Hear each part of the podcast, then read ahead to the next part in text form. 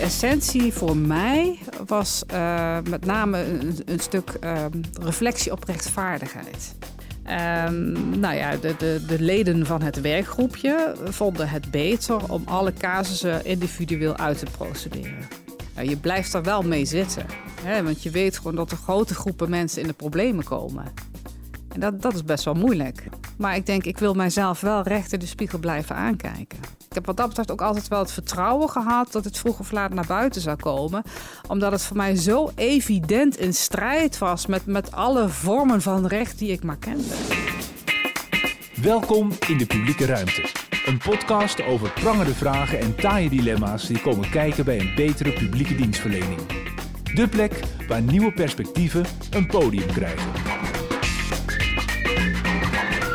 Welkom, welkom in de publieke ruimte. Een speciale aflevering waarin we met één gast terugblikken op een turbulente periode. Een periode waarin ze in een nota verwoorden wat er volgens haar allemaal niet goed ging bij de fraudebestrijding van de kinderopvangtoeslag. Een nota, een memo, die werd besproken en die vervolgens belandde in een spreekwoordelijke la. Doordat de toeslagenaffaire in volle omvang duidelijk werd, was er dan niemand die deze problemen eerder had gesignaleerd.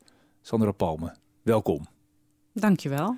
Uh, we gaan in deze speciale aflevering eh, van de publieke ruimte nog eens het tijdspad uh, van de nota bij langs. In een rapport van PwC staat dat tijdspad ook al uitgebreid omschreven. Best wel een dik rapport. Maar hoe ga je nou als ambtenaar hiermee om? Als je dit allemaal ja, meemaakt, welke keuzes maak je wel en welke maak je niet onderweg? Um, ja, Otto, het is, het is best bijzonder hè, dat we Sandra aan tafel hebben. Sandra, want jij hebt eigenlijk nog ja, publiekelijk, behalve dan de, de, de, uh, de, de, de verhoren, nog nooit je publiekelijk echt uitgesproken over uh, de kwestie. Nee, dat klopt. Uh, ik heb daar uh, bewust wat afstand uh, over gehouden. Ik ben tenslotte nog steeds werkzaam voor de Rijksoverheid. En ik vind ook dat het niet zozeer om mij als persoon gaat, maar wel om de visie die ik daarbij heb. Ja, maar, maar, toch nu aan tafel. waarom nu toch het podium gekozen? Omdat ik denk dat uh, het een bijdrage kan leveren aan ons maatschappelijk debat. Hoe je omgaat met uh, nou ja, vormen van tegenspraak. En vooral in het kader van, uh, van de rechtsbescherming. Ja. Wat, wat constructief, hè? Ja, Vind je ook niet? Ik zou denken, we krijgen een klokkenluider en die, die is een beetje, beetje, beetje boos. Maar dat ben je helemaal. Je zit er ook heel, heel ontspannen bij. Dus, dus ik ben heel benieuwd ook, ook waarom je zo'n keuze maakt. Hè? Om het op deze manier te doen in een memo en daar uh, ook gewoon constructief aan blij te blijven dragen. Terwijl je ook wel eens uh, de optie hoort van nou, klokkenluiders die dan uiteindelijk een verhaal de media inbrengen en daarmee ook voor zichzelf allerlei consequenties ontketenen. Maar goed, daar kunnen we misschien straks eens even over spreken. Ja, laten we teruggaan naar één moment. 10 maart 2017. Otto, ik weet niet of jij nog wist waar je was. 10 maart 2017, het is toevallig voor mij ook geen verjaardag of wat, bijzondere dag. Ja, ik denk dat ik cadeautjes aan het kopen was voor mijn zoon die twee weken later jarig zou zijn. Maar dat is wel heel erg ver erbij gezocht. Maar jij, uh, Sandra, weet het nog wel? Ja, dat klopt. waar was je? Wat deed je? Ik was toen op het kantoor van, uh, van toeslagen. Ik zat achter mijn bureau.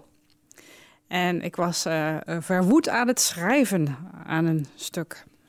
Een nota, want er was een uitspraak geweest van de Hoge Raad. Nee, van de Raad van State Pardon? was die uitspraak. Van de Raad van State. Um, en daar moest een advies op gemaakt worden. Of jij wilde daar iets over zeggen?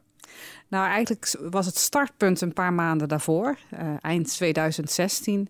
Toen het managementteam van toeslagen uh, worstelde met een best wel ingewikkeld dossier. En zij zoiets hadden van, goh, we hebben nu een uh, ja, juridisch adviseur. Ehm, wij zouden heel graag weten wat we hier mee moeten doen. Dus ze hebben mij om advies gevraagd. En, en, en gaandeweg dat traject uh, kwam ik erachter uh, ja, dat er, nou ja, mijn beeld was dat er toch dingen niet goed gingen. En ik wist ook dat er een uitspraak van de Raad van State aan zat te komen. En die zou uh, begin maart 2017 zou die uitspraak uh, komen. En ik heb met mijn management afgesproken van nou, daar wacht ik nog op. Afhankelijk van die uitspraak ja, wordt, schrijf ik mijn memo. En dan kan ik mijn advies uitbrengen. Ja, en jij, voor jouw rol was toen vaktechnisch coördinator ja. bij de Belastingdienst. En, en wat was voor jou de essentie wat je moest opschrijven?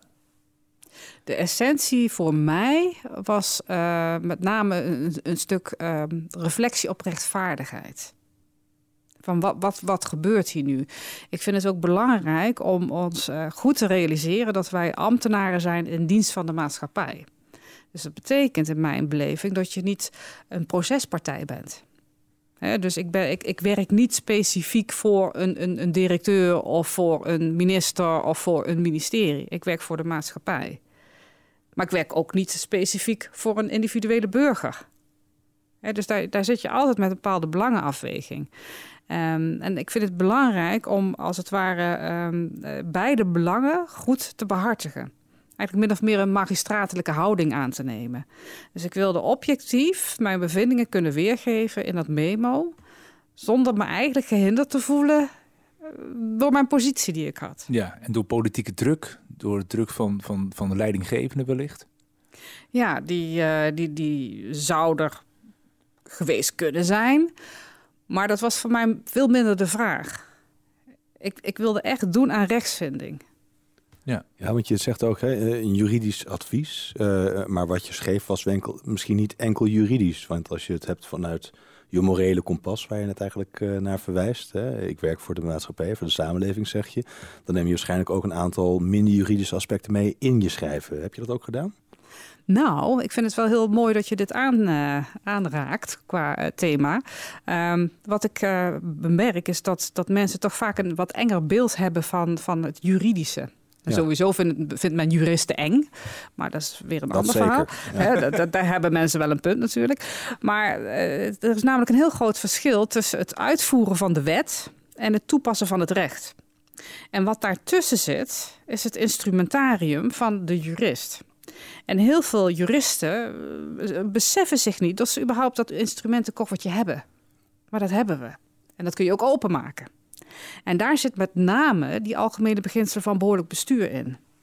En dat zijn geen gedragsregels, maar dat zijn rechtsnormen, omdat die met de invoering van de Algemene Wet Bestuursrecht in 1994 ook zijn opgenomen in de wet. Dus het, het is ook niet vrijblijvend. Het is afdwingbaar.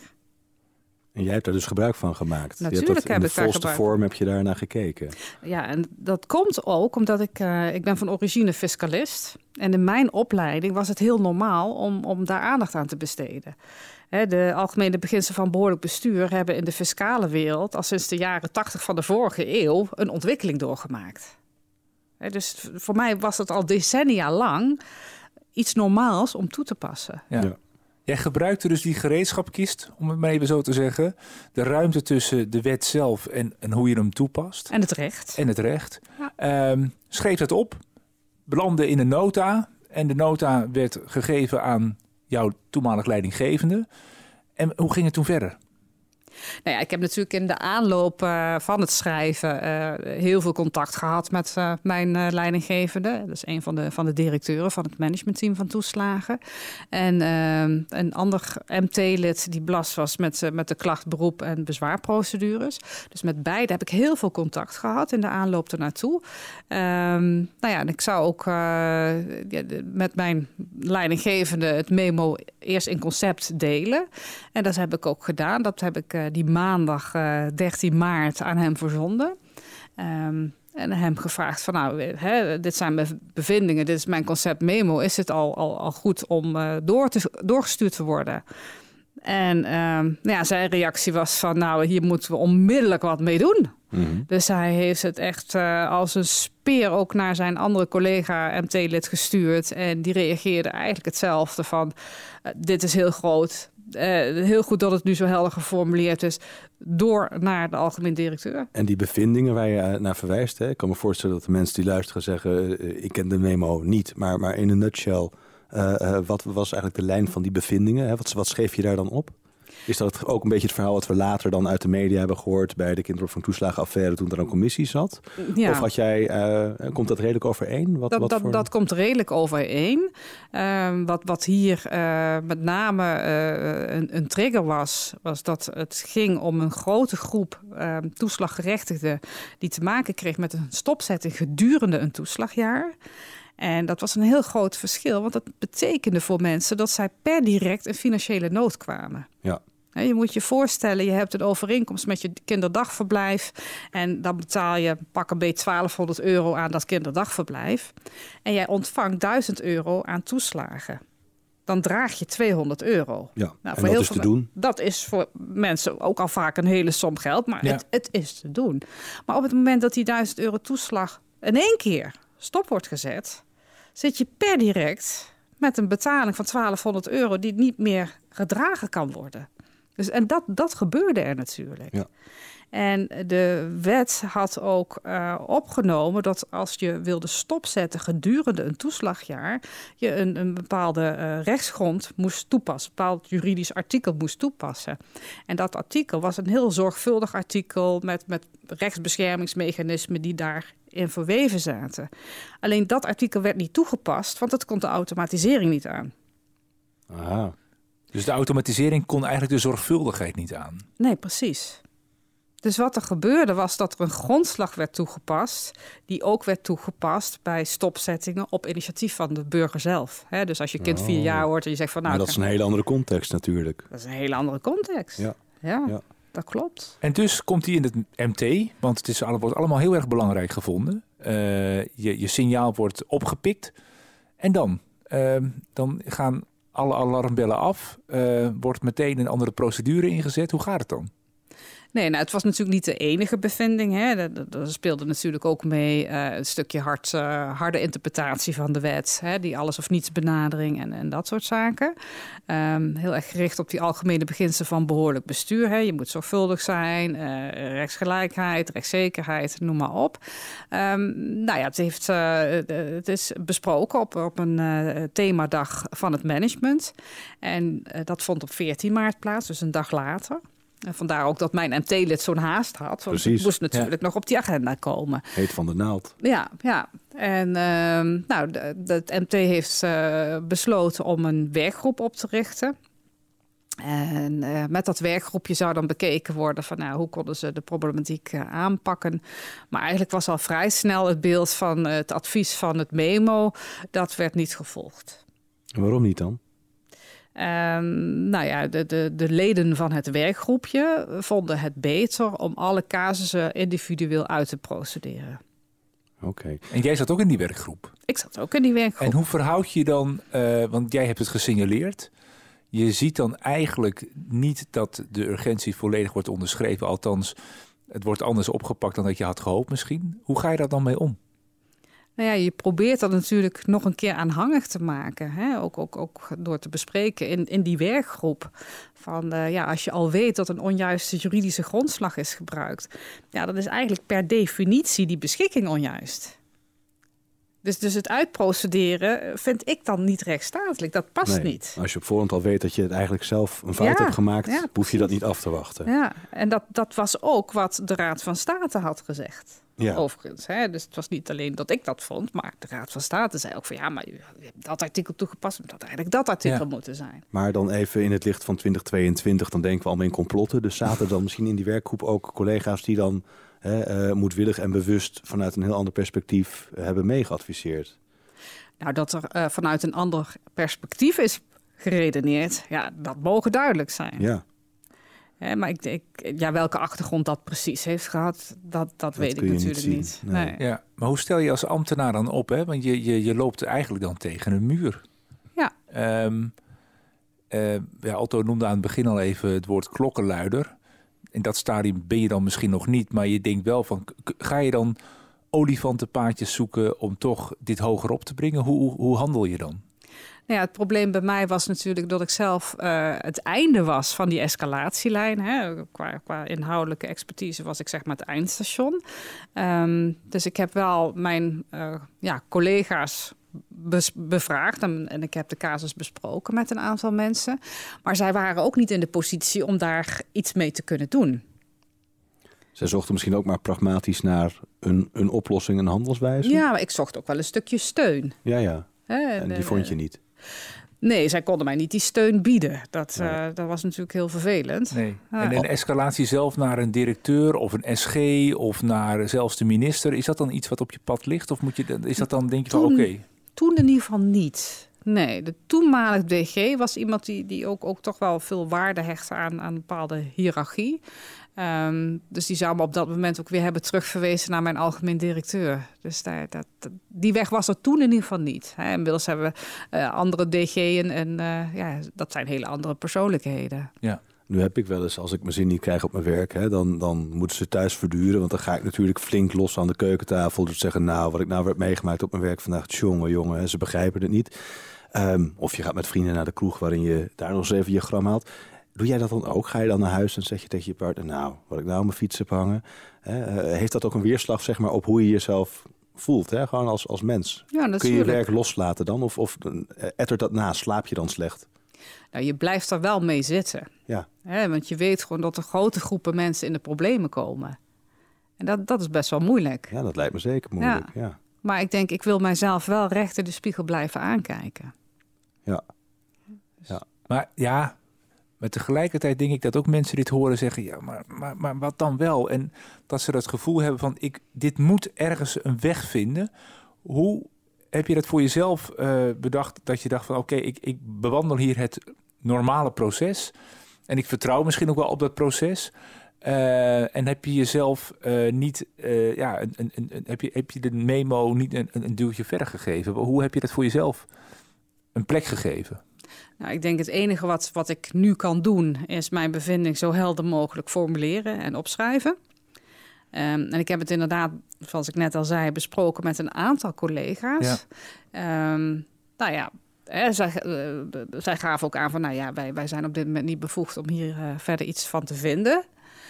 Um, tegelijkertijd um, ja, vond ik het niet uh, op de weg van mijzelf liggen om, om, om ja, de media op te zoeken of om naar buiten te treden. Want op dat moment zou ik namelijk zelf het probleem zijn geworden. Ja. En dat, dat, dat wilde ik niet. Ik heb wat dat betreft ook altijd wel het vertrouwen gehad dat het vroeg of laat naar buiten zou komen. Omdat het voor mij zo evident in strijd was met, met alle vormen van recht die ik maar kende. Ik denk, dit, het kan mhm. niet anders dat dit, dit gaat op een gegeven moment naar, naar boven komen. Ja, maar dat klinkt, dat klinkt heel geduldig. Want aan het begin zei je, ik werk voor de maatschappij. En net hoorde ik je zeggen van, ja, er wordt dan wel gekeken naar uh, of dat binnen de bevoegdheden past. Dat mm -hmm. is eigenlijk weer, weer, ja, dat is, wat, dat is wat meer afmeten aan de interne spelregels en wat minder aan de maatschappelijke uh, uh, kernwaarden die je misschien eigenlijk net benoemt. Zit daar niet een spanning tussen die twee dan? Dat je eigenlijk vanuit het werk voor de maatschappij jezelf gehinderd voelt door de bevoegdheden die je al dan niet hebt? Nee, ik, bij mij lag dat meer in hoe objectief schrijf jij je bevindingen op. of laat jij je leiden door je carrièreperspectief. Ja, ja. Ja. Daar, daar zat voor mij meer die spanning. Ja. En ik heb, ik heb er echt voor gekozen om dat zo objectief uh, mogelijk te doen. Uh, nou ja, en tegelijkertijd uh, heeft dat ook bij, bij het MT van toeslagen uh, in die tijd geleid tot een herbeoordeling van die inhoudelijke functie. En ehm, ja, die werd ook aangepast. Oké, dus het had ook direct consequenties voor jou als medewerker. In, in die tijd speelde dat. Hè? Dus, en, en daarom heb ik op dat moment ook gezegd... Van, nou, nu kan ik mijn functie niet langer uitoefenen op de manier... en op het niveau zoals ik dat uh, voor ogen heb. Ik ga nu op zoek naar wat anders. Ja, dus eigenlijk nog voordat het allemaal echt naar buiten kwam... was jij daar alweer weg. Ja, was ik daar weer weg. Um, en dan komt het toch naar buiten. Tenminste, ja. de toeslagenaffaire uh, wordt bekend. Het, het, memo is dan nog niet openbaar. Er is ook nog niet over bekend. Het komt pas in gedurende dat proces. Wat denk je dan? Is het dan van gerechtigheid? Uh, zie je wel? Wat voor gevoel bekruip je dan? Nee, ik vond het vooral heel spannend. Ja. Omdat je gewoon niet weet wat er allemaal gaat gebeuren, wat er op je afkomt, wat de impact ervan is. Nee, ik vond het heel spannend. Want ook op dat moment uh, had je ook nog kunnen denken: oh, wacht even, ik, heb, ik, ik herinner me dat ik hier iets over heb geschreven.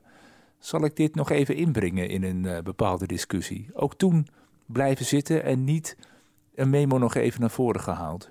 Nee, ik denk, ik uh, laat het recht zegenvieren. Hmm. En andersom, die mensen die van die memo wisten, hebben zij toen het uh, in een parlementaire enquête terecht kwam, jou nog een keer geraadpleegd van goh je hebt ons daar in de tijd op gewezen en laten we nog eens over spreken. Hebben zij nog een keer die hand uitgestoken of niet?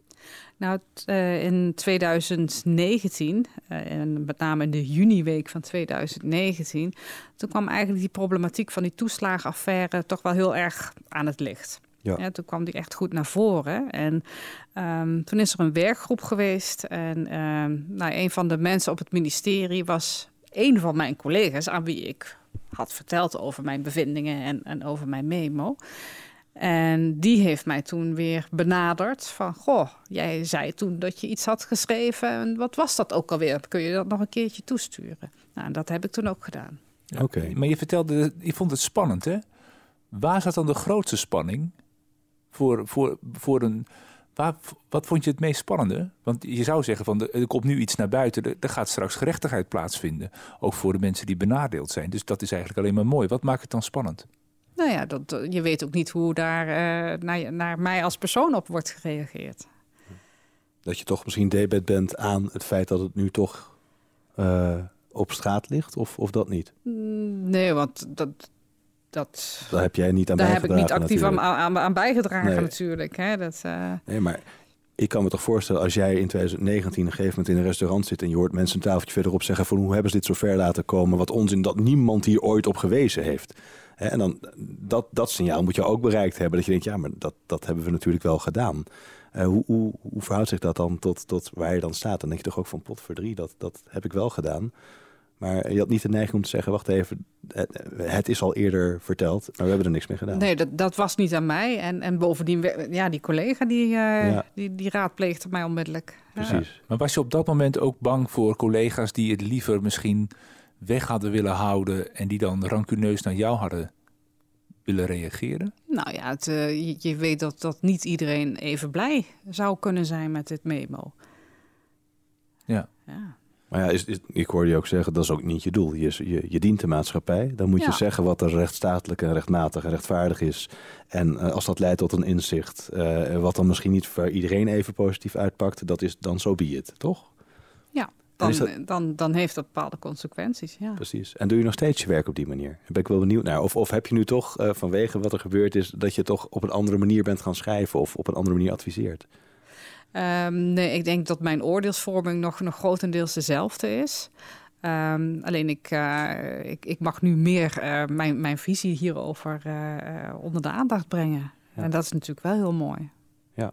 Nog, nog even terug naar die angsten. Um, je vertelde van, nou, dat is best wel spannend.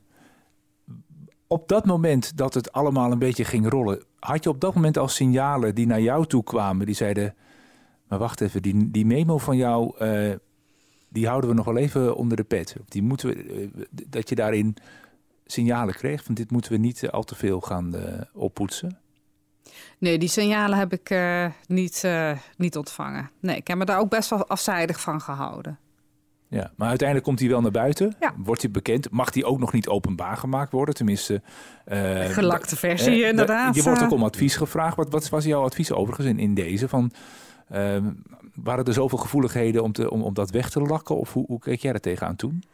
Nou ja, er werd hier een, een, een beroep gedaan op de wet openbaarheid van bestuur. En is, inmiddels is dat opgegaan in de wet open overheid.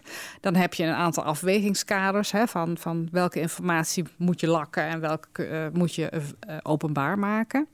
En dat is altijd een afweging tussen het individuele belang en het maatschappelijk belang. Dus ook bij die vraag van moeten wij uh, jouw passages en jouw naam weglakken? Wat, wat denk jij? Toen heb ik ook gezegd van nou, als ik kijk naar de problematiek, dan vind ik het maatschappelijk belang voorgaan.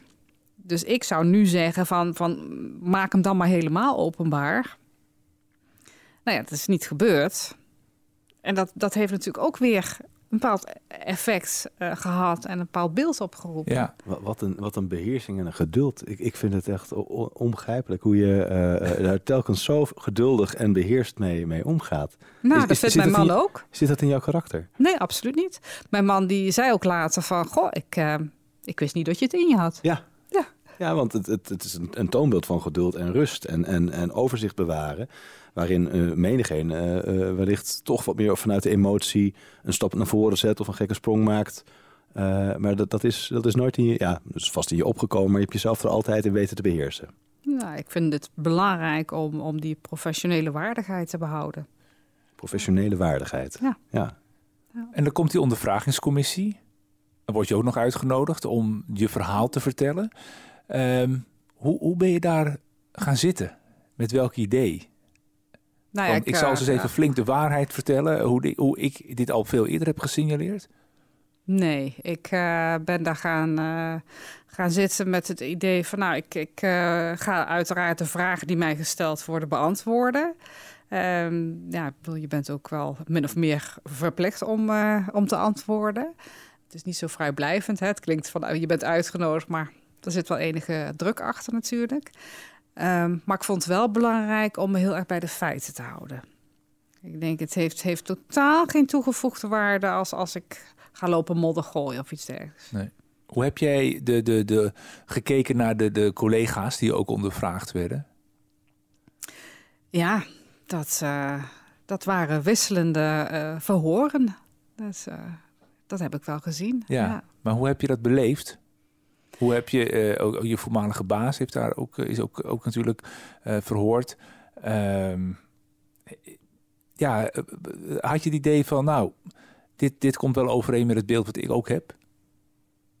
Nee, ik heb bij sommige passages toch wel andere beelden gehad. Ja. ja. Welke passages? Ja, dat, uh, daar ga ik me niet over uitlaten. Maar vind je dat nog steeds lastig om te zeggen? Nou ja, dat, dat, dat, dat, dat is sowieso niet aan mij. Hè. Er is een uh, objectief en onafhankelijk uh, onderzoek onder andere geweest... naar, de, naar het verloop van, van, van het memo. En nou, dat is, dat is prima. Ja ook hier wel weer zakelijk en, en, en niet met modder gooien. Nee. Ja. Als je dan, uh, dat is geweest, uh, het is achter de rug. Is het nu eigenlijk achter de rug? Nee. Sowieso hè, vindt volgende maand nog een debat plaats over het memo en het rap, rapport wat erover is verschenen. Dus wat daaruit komt, ja, dat is ook nog even de vraag. Um, Want dat, dat, rapport, er is een heel rapport geweest, ik haal het al even aan, hè, over echt wat een reconstructie uh, en de tijdlijn van het Memo Palme uh, van eh, PwC. Lijvig rapport. Minutieus staat een en ander erin beschreven. Overigens, dit rapport, wat alweer meer dan een jaar oud is, werd ook van bekend dat hier nog door de ambtelijke top wat passages in zijn weggepoetst of net even anders zijn gemaakt. Hoe ervaar je dat? als ambtenaar? Ja, ook dat. Ik, ik, moet maar vertrouwen op de waarheidsvinding. Dus ik wacht het debat hierover af. Um, ik, ik vind het wel belangrijk om te zeggen van in hoeverre heeft het zin om te blijven kijken naar het verleden. Want je maakt daarmee het, het, onrecht wat die burgers is aangedaan niet ongedaan. Um, dus ja, wat dat betreft ja, wil je deze energie nog verspillen aan het verleden. En ik denk dat je dat alleen maar kunt rechtvaardigen wanneer je er ook lering uit kunt trekken naar de toekomst toe. Ja, maar snap je dat mensen, slachtoffers misschien ook wel denken, er moet een dader aangewezen worden. En, eh, en zo'n zo'n grote organisatie is misschien al wat ingewikkeld. Dus die zitten dan wel te zoeken naar misschien wel individuen. Ja, ik, ik, ik weet niet of, of mensen het op die manier ervaren. Ik heb zelf natuurlijk ook uh, heel wat gesprekken gevoerd met gedupeerde ouders. En wat je bij hen hoort is, is vooral uh, het feit dat zij beticht zijn van fraude. Dat ze gezien worden als fraudeur. Dat dat heel veel impact heeft op mensen. Ja. Maar begrijp je de houding uh, van je voormalige collega's... Uh, die ze hebben, ik bedoel, of het nou waar is of niet waar... maar mensen willen altijd graag een bepaald beeld overeind houden. willen graag een bepaald beeld van zichzelf naar voren brengen. Begrijp je, hoe, hoe kijk je daar tegenaan? Of zeg je van, deel, wees daar gewoon transparant over. Zeg gewoon wat je hebt gedaan. Uh, wat, wat, wat, wat, houdt dat, wat houdt dat tegen? Ja, ik denk dat het, uh, ja, dat is natuurlijk heel erg afhankelijk van, van de persoon, uh, hoe je met, met dit soort zaken omgaat. Ik zou daar zelf uh, niet zomaar voor kiezen natuurlijk.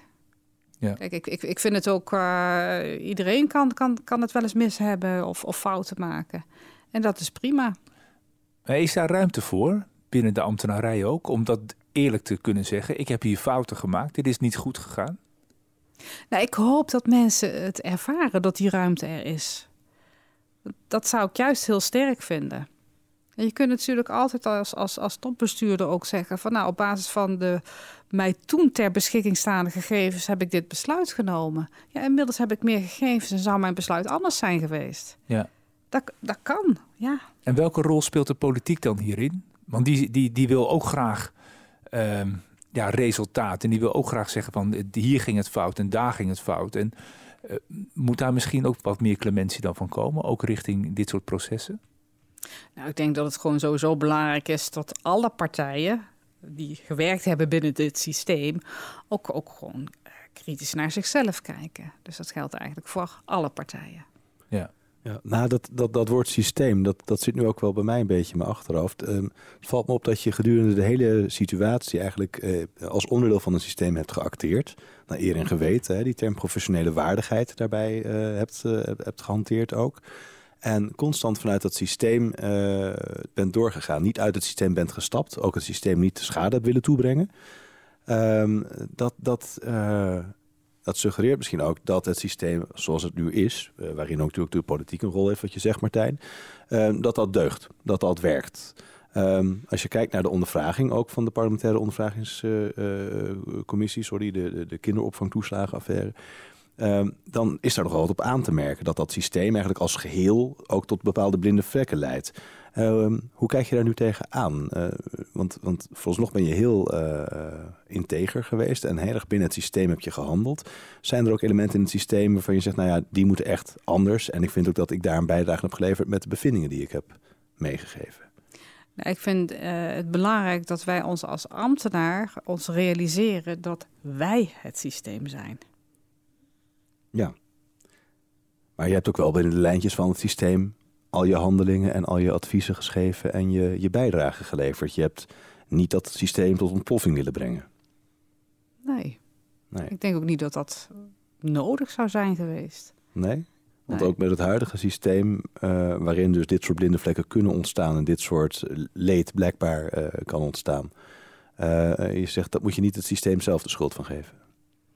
Nee, ik denk dat je er je heel erg van bewust moet zijn uh, welke je positie je hebt, ook, ook binnen het systeem, en hoe de rechtsstaat zou moeten werken. Ja, want het rapport Ongekend Onrecht geeft ook aan van ja, de rechtsstaat is geschonden. Ja. Hè, en, en ze hebben ook, ook aangehaald op welke uh, systeem punten dat is geweest. En ik denk dat het belangrijk is om ons dat te realiseren en, en zo in breder perspectief te zien van ja, maar hoe werkt het dan binnen zo'n rechtsstaat en hoe werken die rechtsbeschermingsmechanismen? Ja. Ja. En uh, als je daar dan zelf een antwoord op geeft, hoe werken die rechtsbeschermingsmechanismen? In het geval van de kinderopvangtoeslagen klaarblijkelijk niet goed. Um, of zijn ze niet goed toegepast? Nou ja, dat, ik, ik denk dat het een combinatie van, uh, van allerlei factoren is geweest.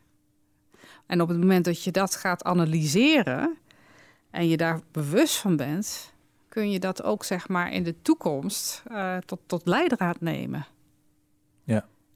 Wat, wat heeft het nou in die end of tot nu toe jou gebracht? Want je bent nu ook nog rechter uh, geworden ja. um, voor de Centrale Raad van Beroep. Um, is dat, is dat uh, bijvangst, mooie winst, mooi dat je dat kunt doorgeven, jouw inzichten die je hier toch mee hebt opgedaan? Nou, ik vind het heel erg waardevol om uh, raadsheer plaatsvervanger te zijn bij de Centrale Raad van, van Beroep. Ook daar werken we voor de maatschappij uiteraard. En in, in, mijn geval voor de meest kwetsbare doelgroep. Dus heel veel mensen die te maken hebben met de participatiewet, de bijstand.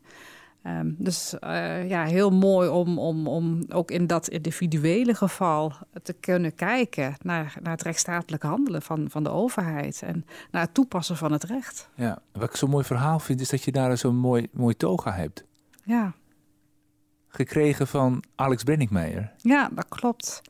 Ja, dat uh, is, uh, is heel bijzonder. Ik heb. Uh, uh, nou, veel contact gehad met, uh, met Alex Brennickmeijer. Voormalig ombudsman. Voormalig ombudsman. Maar ook voormalig vicepresident van de Centrale Raad van Beroep. En ook voormalig raadsheer bij de Centrale Raad van Beroep. Dus ook iemand die ik altijd wel uh, enorm heb bewonderd om zijn, uh, zijn kennis, kunde en visie. En we hebben heel veel uh, contact met elkaar gehad, uh, stukken geschreven, echt, echt, echt uren met elkaar gesproken over de rechtsstaat en de rechtvaardigheid en nou, diverse onderwerpen. En op enig moment toen, ja, hij was inmiddels 70 jaar geworden. En hij zei, ja, ik heb nu mijn wettelijke ontslagleeftijd bereikt. Ik mag geen, geen raadsheer plaatsvervanger meer zijn, want dat was hij natuurlijk nog steeds. En hij zei, ja, ik heb mijn toga nog en die moet ik eigenlijk aan, aan de wilgen gaan hangen. Hij zei, dat vind ik zo zonde. Hij zei, ik zou het een enorme eer vinden wanneer jij wanneer je plaatsvervanger bent, mijn toga gaat dragen. Nou, waarop ik zei van, oh Alex, ik zou het juist een eer vinden om jouw toga te mogen dragen. Ja. Hmm. Jeetje, ja, daar word ik wel even stil van. Want als je het hebt over, over een toonbeeld van iemand die altijd vanuit de rol, rolvastheid en de bevoegdheid die hij had binnen het systeem, toch hele scherpe dingen wist te zeggen. Dan heb je met Alex Brenninkmeijer natuurlijk wel een, een, een rolmodel te pakken. Ja. ja. Ehm, en wellicht dat jij natuurlijk ook vanuit waar jij nu vandaan komt, met de nota die je geschreven hebt, met, met de escalatie die je hebt geprobeerd te, voor elkaar te krijgen, in ieder geval ook andere mensen weten te inspireren om op die manier, hè, vanuit die professionele waardigheid, ik blijf dat een mooie term vinden, uh, je vak uit te oefenen. Heb je daar, heb je daar ook plannen voor? Um, ga je uh, op podia staan? Gaan we je vaker horen in podcast? Wat gaan we doen? Nou ja, ik vind het wel. Uh, ik, ik zou het ontzettend waardevol vinden als ik op deze manier een, een, een bijdrage kan leveren aan onze rechtsstaat. Ja. ja, want die leer je niet alleen uit boekjes. Nee, het is de praktijk. De praktijk van alle dag, die dan toch vaak net even iets anders blijkt te zijn dan we met elkaar denken. Ja, het boek is nog niet dicht, hè? Nee, wat dat betreft niet. Nee. Dankjewel uh, voor uh, je komst naar de publieke ruimte en voor je verhaal, Sandra Palme. Dankjewel. Ja. Dit was de publieke ruimte, een initiatief van werk aan uitvoering. Naast mij zit Martijn Grimius, aan de andere zijde Sandra Palme. Mijn naam is Otto Tors.